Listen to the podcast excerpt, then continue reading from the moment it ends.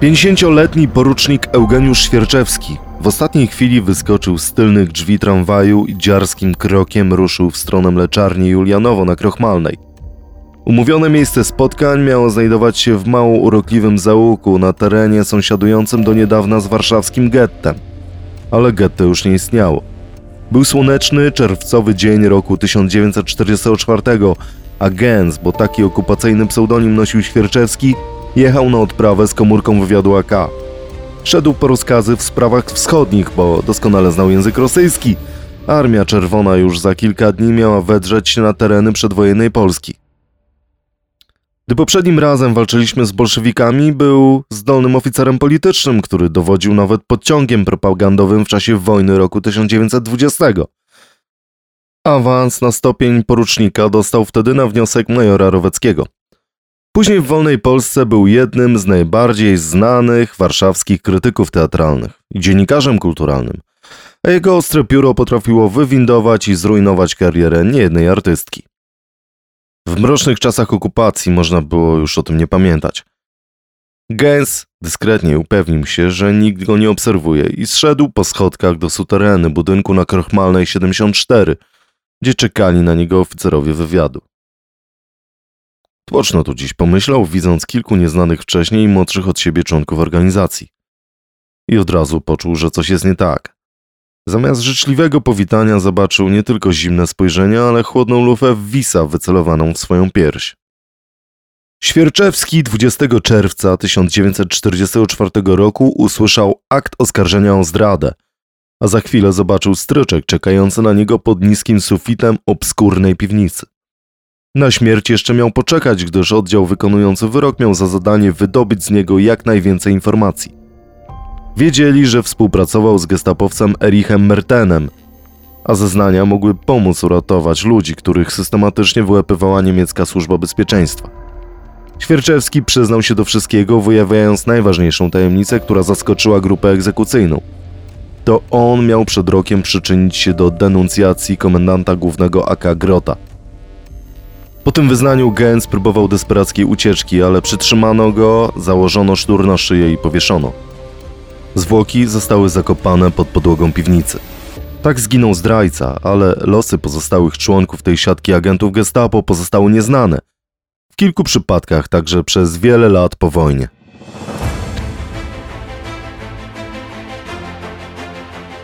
Armia Krajowa stanowiła jeden z największych fenomenów zmagań świata z Hitlerem w czasie II wojny światowej. Była najlepiej zorganizowaną formacją podziemną w całej okupowanej Europie. Jak powstawała? Jak wyglądały jej struktury i najważniejsze działania zbrojne? O tym opowiemy w naszym specjalnym cyklu podcastów Armia Krajowa, jakiej nie znacie. Tekst przysięgi, zatwierdzonej przez rząd Rzeczypospolitej Polskiej w styczniu 1940 roku i przysłanej przez wodza naczelnego dla sił zbrojnych w kraju w konspiracji. W obliczu Boga Wszechmogącego i Najświętszej Marii, Królowej Korony Polskiej, kładę rękę na ten święty krzyż, znak męki i zbawienia. I przysięgam – że będę wiernie i nieugięcie stać na straży honoru Polski. I o wyzwolenie jej z niewoli walczyć będę zawsze, ze wszystkich sił moich, aż do ofiary z mego życia. Wszelkim rozkazom będę posłuszny, a tajemnicy niezłomnie dochowam, cokolwiek by mnie spotkać miało. Przyjmujecie w szeregi żołnierzy wolności – Obowiązkiem twoim będzie walczyć z bronią w ręku o odzyskanie ojczyzny. Zwycięstwo będzie twoją nagrodą. Zdrada będzie ukarana śmiercią. Tak brzmiała rota przysięgi dla wszystkich wchodzących w szeregi Armii Krajowej. I treść była sankcjonowana rozkazem generała brygady Stefana Grota-Roweckiego z lutego 1942 roku. Dziś będziemy rozmawiać o tych, którzy tą przysięgę łamali – Polskie państwo podziemne było formacją złożoną z ludzi heroicznych i oddanych ojczyźnie, jednak zdrady się zdarzały. Choć dziś wiele wyroków jest owianych mgiełką tajemnicy. Jest ze mną dr Sebastian Adamkiewicz z Muzeum Tradycji Niepodległościowych w Łodzi. I od razu pierwsze pytanie. Ta sprawa Eugeniusza Świerczewskiego jest bardzo zagadkowa, bo podobno wcale nie wsypał generała Grota Roweckiego? Istnieje oczywiście kilka mm, tez dotyczących y, okoliczności aresztowania generała Grota. Jedną z najbardziej popularnych jest faktycznie ta, która przypisuje to um, Świerczeskiemu. Natomiast y, też należy podkreślić, że nie z tego powodu on został skazany na śmierć i nie z tego powodu wykonano wyrok. On był wówczas oskarżony do przynależności do siatki szpiegów Gestapo, która wydała prawie 500 osób związanych z polskim podziemiem niepodległościowym, głównie z e, kontrwywiadem. Więc to była przyczyna jego skazania i wykonania wyroku śmierci. On do denuncjacji generała Grota przyznać miał się w trakcie przesłuchania. E, to przesłuchanie miało być takim punktem, w którym on faktycznie o tym opowiedział. Natomiast y, nikt tak naprawdę tej sprawy dalej nie badał, nie, nie śledził. Ten wyrok został wykonany, ale przyczyną wyroku było właśnie, była przynależność do tej siatki i, i denuncjacja blisko 500 osób, a niekoniecznie generała Grota. Zresztą historycy mają wątpliwości, czy gdyby to faktycznie był Świerczewski, to gestapo nie wykonałoby chociażby rewizji mieszkania Grota, y, czy nie wpadłyby kolejne osoby. No tu są pewne wątpliwości, chociaż ta wersja ze Świerczewskim również jest bardzo kusząca. Świerczewski znał generała Grota sprzed wojny, mógł go rozpoznać na ulicy i, i faktycznie mógł być tą osobą, która jest odpowiedzialna za to aresztowanie. Natomiast niektórzy historycy twierdzą, że to był po prostu przypadek, że dokonano nalotu na ulicę Spiską i faktycznie w trakcie aresztowań, w trakcie tej łapanki również do więzienia trafił generał Grot. No są historycy, którzy twierdzą, że takiej denuncjacji dokonał narzeczony córki Grota w zamian za pieniądze. No i wreszcie oczywiście jest chyba najsłabsza w moim przekonaniu teoria, dotycząca tego, że tutaj palce w tym mieszali Sowieci, że to oni mogli dokonać takiego donosu, e, no ale na to nie mamy już absolutnie żadnych dowodów, więc to jest zdecydowanie najsłabsza z teorii. Mm, no, e, taką ciekawą teorią jest również to, że był rozpracowywany przez Abwerę, że Abwera, która nie miała funkcji policyjnych, rozpracowywała generała Grota mm, i faktycznie taki donos na, do gestapo złożyła. No, z tych teorii jest kilka, natomiast zdecydowanie najsilniejsza jest, najsilniejsze są dwie. Więc po pierwsze przypadkowe aresztowanie i takie przypadki również się zdarzały. No i drugie e, to jest właśnie wina Świerczewskiego i w tych teoriach powinniśmy w moim zdaniem e, pozostać. Natomiast e, no niewątpliwie, jeśli chodzi o Świerczewskiego, to jest on takim bardzo silnym przykładem funkcjonowania siatki e, gestapo, siatki zdrajców w ramach polskiego państwa podziemnego. I o losach tych zdrajców, pozostałych członków tej siatki jeszcze opowiemy, zwłaszcza o ciekawych ich losach powojennych. Natomiast w szerszym aspekcie musimy podkreślić, że w przeciwieństwie do szeregu innych europejskich państw pozbitych przez Niemcy, w Polsce jednak nigdy nie zdołano stworzyć czegoś szerszego, czegoś działającego na zasadzie rządu kolaboracyjnego. Te przypadki zdrady w strukturach podziemnych mm, się zdarzały, ale one były stosunkowo rzadkie. Ale konkretnie, jaka była skala tych zdrad i motywy kierujące osobami, które zdradzały Polskę? Trudno powiedzieć, czy ten rząd kolaboracyjny nie powstał ze względu na pewne cechy charakteru, cechy narodowe, czy wolę walki z e, państwem niemieckim czy ze względu na to, że Niemcy nie byli zainteresowani, żeby taki kolaboracyjny rząd na ziemiach polskich e, powstawał. No, pamiętajmy, że jednym z celów Adolfa Hitlera było raczej usunięcie narodowości polskiej z tych terytoriów, było pozbycie się osób narodowości polskiej, to również miał być naród, który miał być poddany w dalszej perspektywie eksterminacji, więc myślę, że kwestia powołania kolaboracyjnego rządu no, niekoniecznie wiązała się z tym, że nie było chętnych, ale że to sam Hitler nie był za bardzo chętny, żeby tutaj taki właśnie rząd powoływać. On niezbyt cenił Słowian, więc faktycznie, e, po cóż taki rząd kolaboracyjny miałby tutaj powoływać? E, więc nie wiemy, nie wiemy, nie wiemy, czy faktycznie była to kwestia wyłącznie tego, że mm, nie było chętnych, czy, czy faktycznie to Hitler nie był chętny. To jest pierwsza sprawa. Druga sprawa związana jest z, ze skalą kolaboracji. No, mamy oczywiście taką kolaborację, która wiąże się po prostu ze współpracą z organami władzy niemieckiej i niekoniecznie wią- związana jest ze zdradą polskiego państwa podziemnego, bo dokonywali jej ludzie, którzy e, nie byli związani z polskim państwem podziemnym. I szacuje się, że około 5% polskiego społeczeństwa faktycznie takim procederze brała udział że była kolaborantami, że była współpracownikami e, Niemców. Niemcy bardzo chętnie na taką współpracę mm, oczywiście szli. Jest takie wstrząsające przepomnienie Himmlera z Poznania, gdzie on mówi, że takiego Polaka, który z nami współpracuje, to jeszcze można zaakceptować, ale Żyda to już z pewnością nie. E, to, bo to już jest pewne przekroczenie. No tutaj eksterminacja Żydów była dla Niemców niezwykle istotna e, w tym czasie. No więc e, kolaborujący Polak to jeszcze jak cię mogę, natomiast no, Żyd to już absolutnie nie. Więc tacy Polacy byli oczywiście. Mm, no, szacuje się, że to jest około 5%, przy czym te szacunki nie są oparte na jakichś wnikliwych badaniach. Mm, zdecydowana większość Polaków to były osoby bierne to były osoby bierne, tutaj około 70% osób, które były w społeczeństwie polskim, miały zachowywać bierność.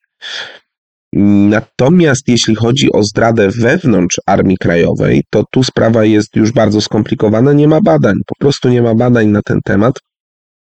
Są pewne szczątkowe informacje znalazłem w opracowaniach na przykład taką informację dotyczącą tego, że e, Niemcy podawali, że w ciągu miesiąca w jednym z rejonów generalnego gubernatorstwa zgłaszało się do nich około 80 osób miesięcznie, gotowych na współpracę.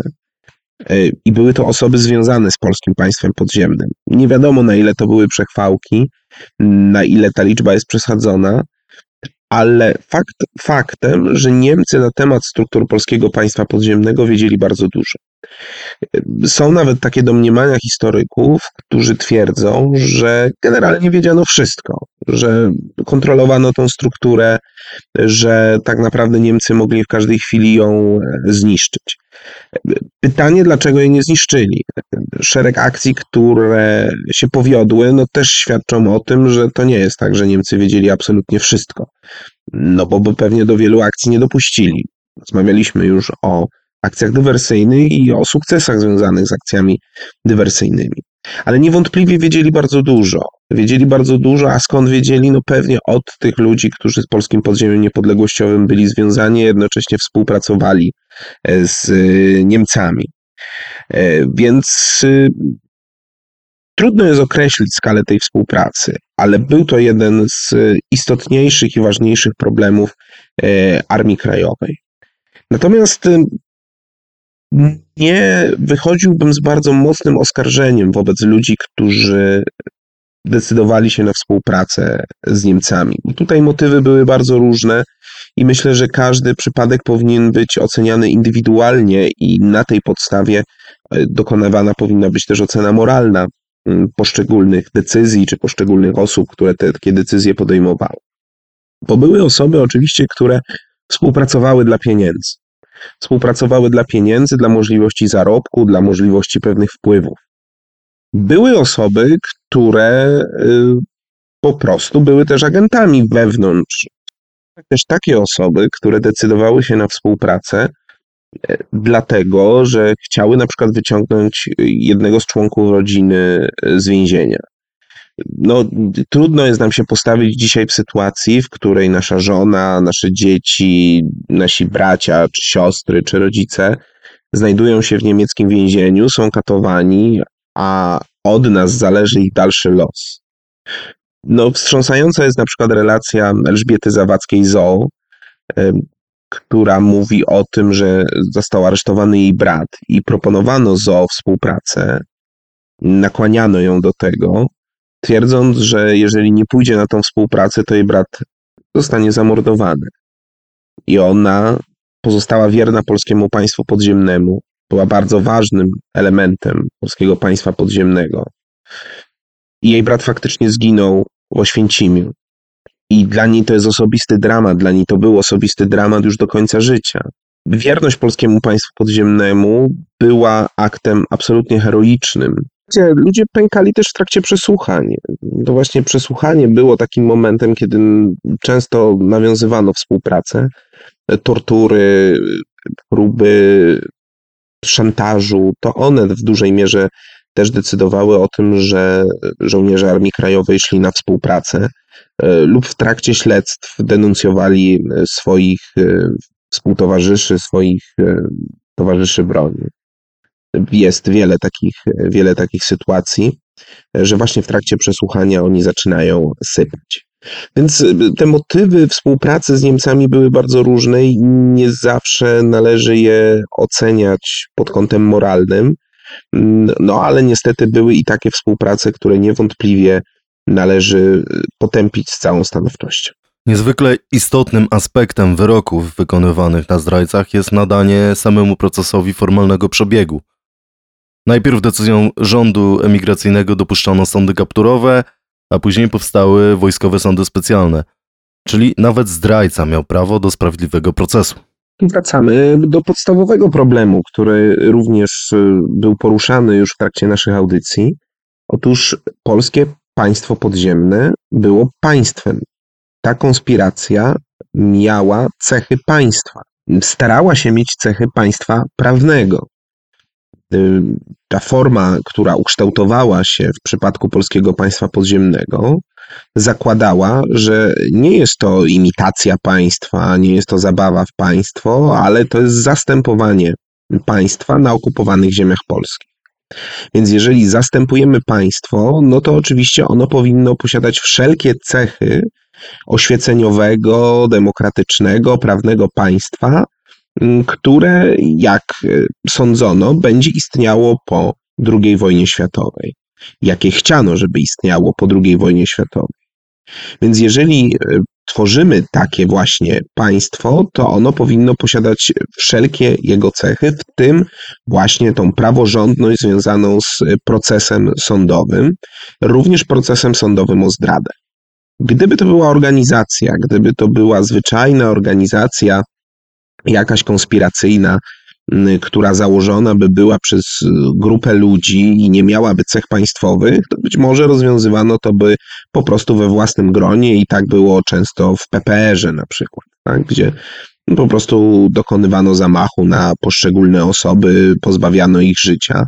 Ale ta organizacja nie miała cech państwa. Natomiast y, konspiracja polskiego państwa podziemnego, ZWZ, czy później AK, czy Służba Zwycięstwu Polski była, zastępowała te struktury państwowe. I w tych strukturach państwowych musiały się odbywać sądy, i te sądy odbywały się według praworządnych zasad, gdzie nawet zdrajca, nawet ta osoba, która była oskarżona o zdradę, miała swojego obrońcę, najczęściej obrońcę z urzędu. Oczywiście one nie zawsze odbywały się przy obecności oskarżonego, dlatego że y, ze względów konspiracyjnych obawiano się, że taka obecność może oczywiście pociągnąć za sobą ogromne zagrożenie dla struktur państwa.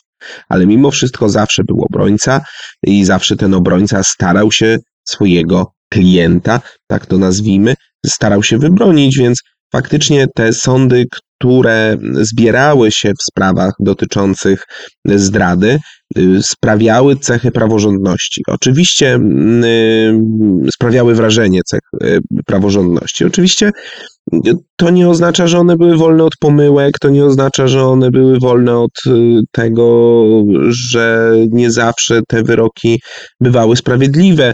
Oczywiście warunki wojenne znacznie utrudniały dowodzenie czy próbę dowodu w takich właśnie sprawach. Natomiast y, trzeba docenić, że faktycznie jakieś takie znamiona praworządności próbowano wprowadzić właśnie w imię tego, że polskie państwo podziemne było państwem. Gdy już ten wyrok został wydany, to trzeba go było wykonać. W przypadku Świerczewskiego wyrok wykonano przez powieszenie.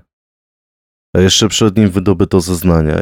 Jednak wiele wyroków śmierci wykonywano troszkę inaczej. I były do tego zadania specjalnie oddelegowane osoby. specjalnie wynajmowani likwidatorzy. To osoby bardzo młode, mm, ale faktycznie gotowe na to, że będą musiały wykonywać wyroki śmierci, otrzymywały y, za to dość dużą, jak na warunki polskiego państwa, podziemną, podziemnego wypłatę, y, więc wykonywały te wyroki. Oczywiście była to praca niezwykle obciążająca psychicznie, gigantyczne obciążenia, które mieli e, ci likwidatorzy Armii Krajowej, e, wychodziły po latach. Oni po latach wspominali, niewielu z nich zresztą przyznawało się do tego faktu, że byli likwidatorami, dlatego że to była bardzo stresująca i bardzo niewdzięczna praca. Trzeba było stanąć często oko w oko z osobą, która była zabijana. Często e, dokonywano tego na oczach najbliższych, e, albo w takich warunkach, które oczywiście wz- wzmagały stres.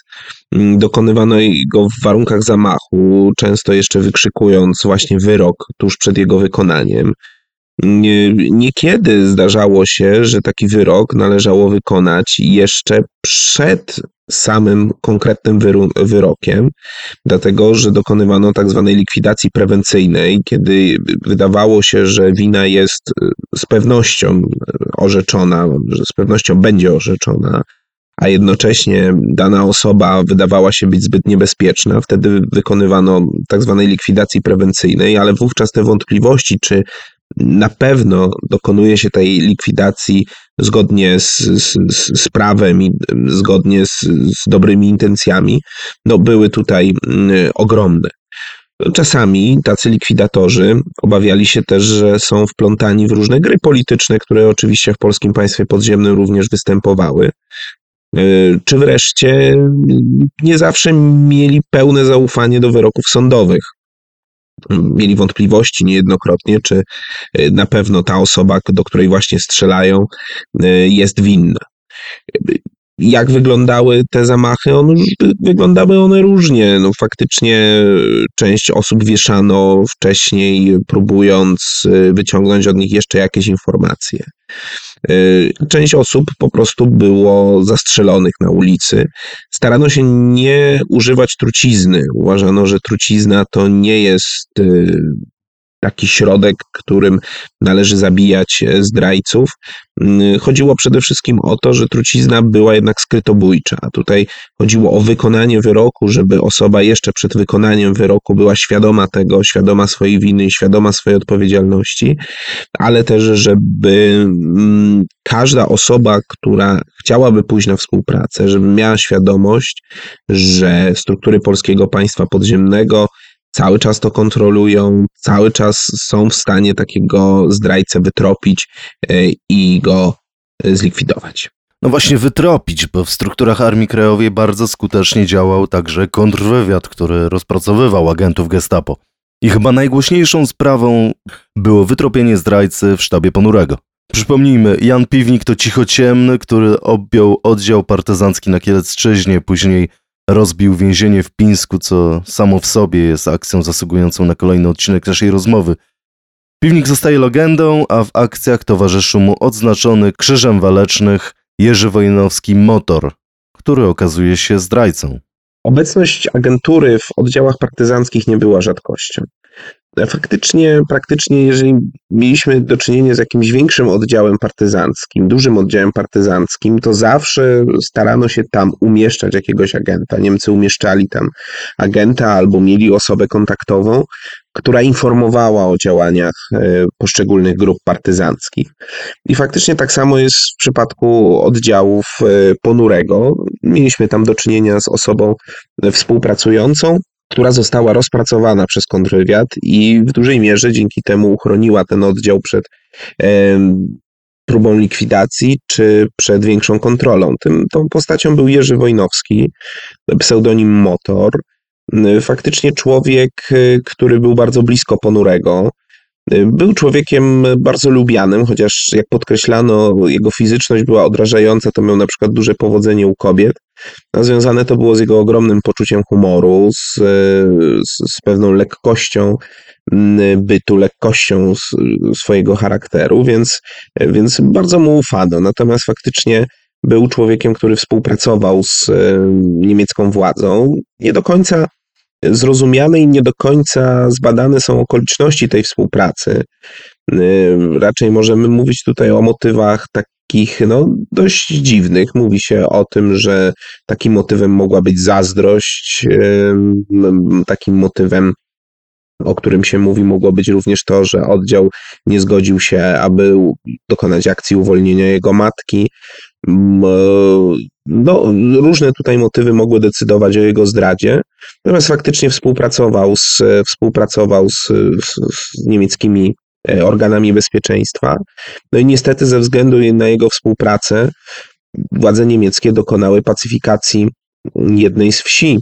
Więc tutaj e, to, no, to, to obciążenie współpracą było faktycznie ogromne, ponieważ no, miał na sumieniu setki cywilów niewinnie zamordowanych e, w Michniowie. To była taka wieś, która faktycznie pomagała partyzantom i, i ze względu na donos tego denuncjatora została spacyfikowana przez oddziały niemieckie. Więc y, tutaj też działalność y, agentów y, Gestapo czy współpracowników Gestapo mogła skupić się nie tylko, mogła spowodować śmierć nie tylko osób związanych z polskim po- państwem podziemnym, ale również osób niewinnych. I to jest właśnie przykład takiego, takiego postępowania, przykład takiego donosu, który skupił się na ludziach niewinnych. O czym możemy jeszcze tutaj w tym kontekście powiedzieć? Otóż faktycznie on został rozpracowany przez kontrwywiad. To właśnie kontrwywiad połączył te wszystkie kropki, połączył y, te rozliczne wpadki, które w danym okresie y, zaczęto zauważać w oddziale Ponurego, te informacje, które na temat działań oddziału Ponurego do władz niemieckich się dostawały. No i faktycznie w kontrwywiadzie, w kontrwywiadzie zapadła decyzja o tym, żeby zlikwidować, żeby zlikwidować, dokonać likwidacji tego agenta i faktycznie takiej likwidacji dokonano. I na koniec wróćmy jeszcze do początku, bo byli też zdrajcy, którzy nie dość, że przeżyli okupację, to jeszcze zostawali później agentami komunistów. I takim przykładem jest domniemany autor scenariusza do popularnego, patriotycznego serialu o walce Polaków z Niemcami, serialu niezwykle popularnego w czasach PRL. Ile prawdy jest w tej historii? Oczywiście nie mam na myśli historii serialu Czarne Chmury, tylko historii autora jego scenariusza. Mówimy oczywiście o postaci Ludwika Kalksteina, który jest takim archetypicznym modelem współpracownika Gestapo. Y, Jeżeli mówimy współpracownik Gestapo, albo gdzieś wpiszemy nawet w Google y, współpracownik Gestapo, to zawsze nam życiorys Kalksteina wyskoczy, y, bo faktycznie Kalkstein był jednym z najbardziej skutecznych również agentów Gestapo w ramach polskiego państwa podziemnego. Mówi się, że siatka, którą stworzył, zadenuncjowała blisko 500 osób, y, 500 osób związanych z wywiadem AK i z kontrwywiadem AK, więc też był bardzo niebezpiecznym agentem. Rozpoczął współpracę w 1942 roku, jak sam mówił, w wyniku tortur, które przeżył po aresztowaniu. Że to było takim motywem nawiązania współpracy z e, niemiecką władzą. Do końca nie wiemy, czy można tym zeznaniom ufać. No w każdym razie tak sam Kalkstein twierdził. Do tej siatki e, agentów włączył jeszcze swoją kochankę, narzeczoną, partnerkę Blankę Kaczorowską, a także właśnie wspomnianego Eugeniusza Świerczeskiego, wówczas swojego szwagra. Chociaż y, też tam jest bardzo ciekawy wątek tego, że w 1940 roku nastąpił rozwód y, pomiędzy y, właśnie Świerczewskim a siostrą Kalksteina, że nie do końca wiemy, jakie były te okoliczności tutaj nawiązania współpracy. Sam Świerczewski twierdził, że nawiązał współpracę, żeby właśnie siostrę Kalksteina ratować, bo siostra Kalksteina Nina została w tym samym czasie aresztowana co Kalkstein, siedziała w więzieniu i podobno Świerczewski, żeby ją wyciągnąć, y, poszedł na współpracę z Gestapo, ale te, też nie do końca wiemy, czy takie faktycznie były te okoliczności, czy tylko to jest jakaś próba obrony, znalezienia jakiegoś płaszcza moralnego, które by uzasadniało e, pójście na taką współpracę. Faktycznie siatka niezwykle, niezwykle, niezwykle groźna dla polskiego państwa podziemnego.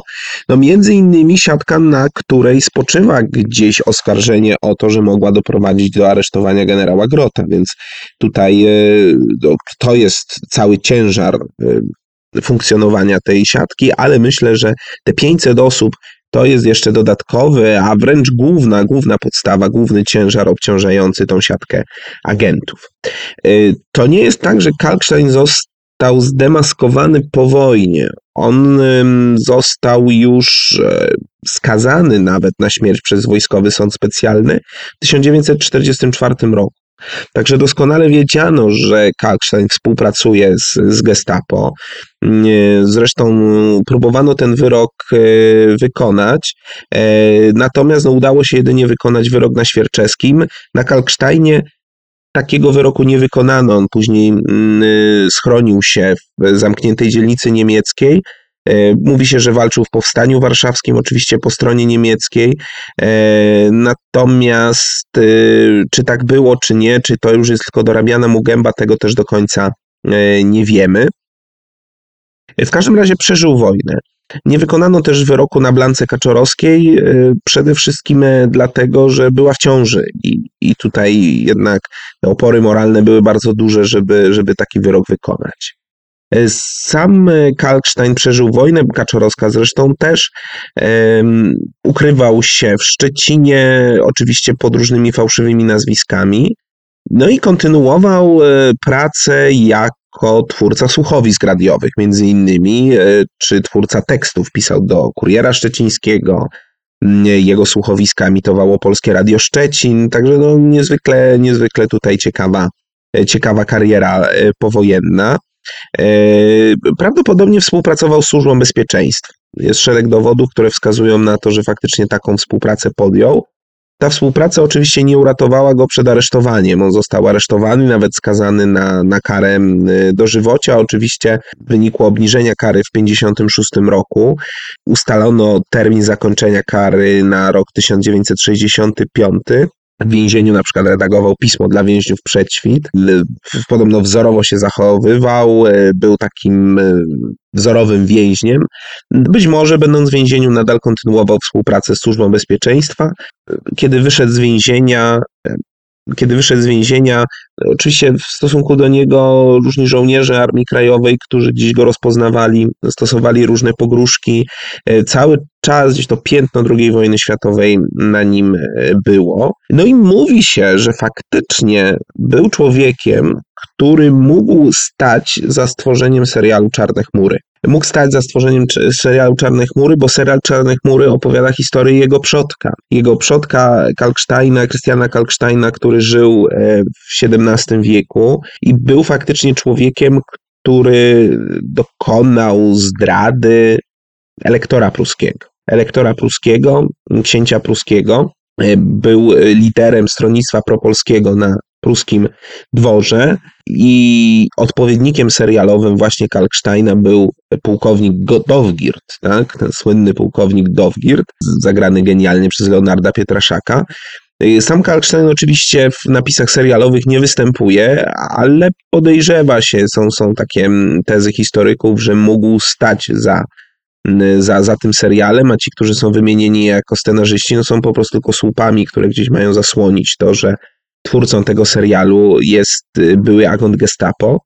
No dodajmy może, że losy pułkownika Dowgirda są y, o wiele bardziej szczęśliwe niż e, losy tego Krystiana Kalksteina, nie Ludwika, a Krystiana Kalksteina, dlatego że Krystian Kalkstein został porwany z polskiego dworu, z dworu e, króla Michała Korybuta Wiśniowieckiego, skazany w Prusach na śmierć i ścięty. Natomiast no, Dowgirdowi udało się Y, uratować, e, więc taka alternatywna trochę historia e, Christiana Kalksteina.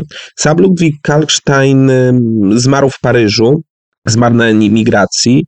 E, smaczku może dodawać fakt, że kiedy udał się na emigrację, udał się jeszcze w trakcie istnienia PRL-u, to próbował, nawet nawiązał współpracę z, z Radiem Wolna Europa. To jest y, troszeczkę taka no, no, chichot historii. E, no oczywiście nawiązał współpracę z Radiem Wolna Europa, ponieważ nadal prawdopodobnie współpracował z Służbą Bezpieczeństwa. E, zmarł, zmarł na emigracji w 1994 roku. e, został pochowany na cmentarzu leśnym w Monachium. E, Natomiast w 2005 roku jego grób został zlikwidowany ze względu na brak opłat za ten grób, więc e, można powiedzieć, że już po śmierci sprawiedliwość go dosięgnęła. Dziękuję za wysłuchanie tego odcinka. Zapraszam także do odwiedzenia naszych profili na Facebooku oraz Wykopie i już zapowiadam kolejny cykl, który w formie podcastu oraz książki będzie dostępny już od jesieni. W historii, jakiej nie znacie, nieco inny temat, czyli historia przestępczości. Zaręczam, że będzie ciekawie. Do usłyszenia. Historia, jakiej nie znacie. ludu pracujący stolicy.